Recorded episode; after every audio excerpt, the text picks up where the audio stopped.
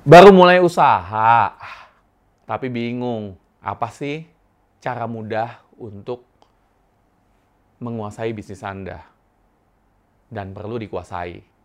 Satu, produk dan jasa Anda. Saya sering tuh ketemu orang, saya tanya, produk Anda apa sih?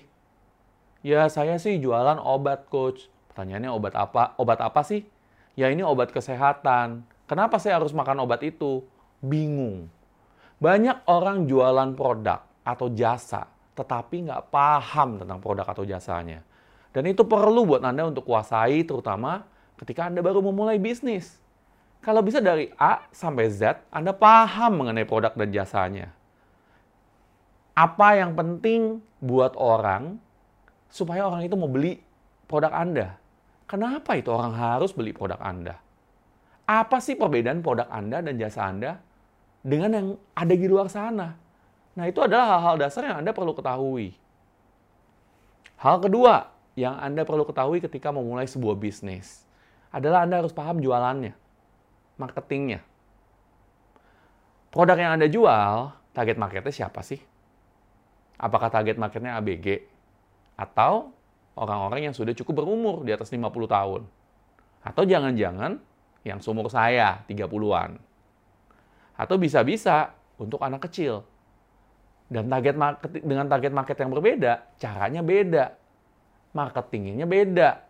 Bisa jadi kalau memang Anda menjual susu bayi atau produk produk-produk bayi, ya kalau Anda ngomong sama bayi, kira-kira bayinya bisa ngerti nggak? Ya enggak lah, paling nangis kalau Anda samperin.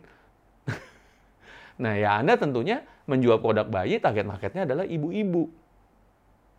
Ibu-ibu yang mungkin saja baru melahirkan bukan bapaknya. Karena apa? Karena kebanyakan bapak nggak terlalu berfokus kepada bayinya. Tapi Anda harus paham gimana cara menjangkau target market Anda. Memarketingkannya gimana. Ibu-ibu hamil, contohnya, atau yang baru melahirkan untuk produk bayi tersebut, adanya di mana? Ya tentunya bisa jadi di rumah sakit bersalin. Siapa yang Anda harus approach? Bisa jadi Anda bisa approach bidan-bidan atau dokter-dokter atau perawat. Siapa lagi? Bisa jadi Anda harus bisa kunjungin suster-suster atau tempat di mana orang bisa merekrut suster atau perawat untuk bayi. Nah, dengan memahami jalur marketing Anda, cara jualan Anda, Anda akan lebih gampang jualannya. Nah, hal ketiga, basic yang perlu Anda pahamin ketika baru memulai bisnis adalah accounting dan finance. Keuangan.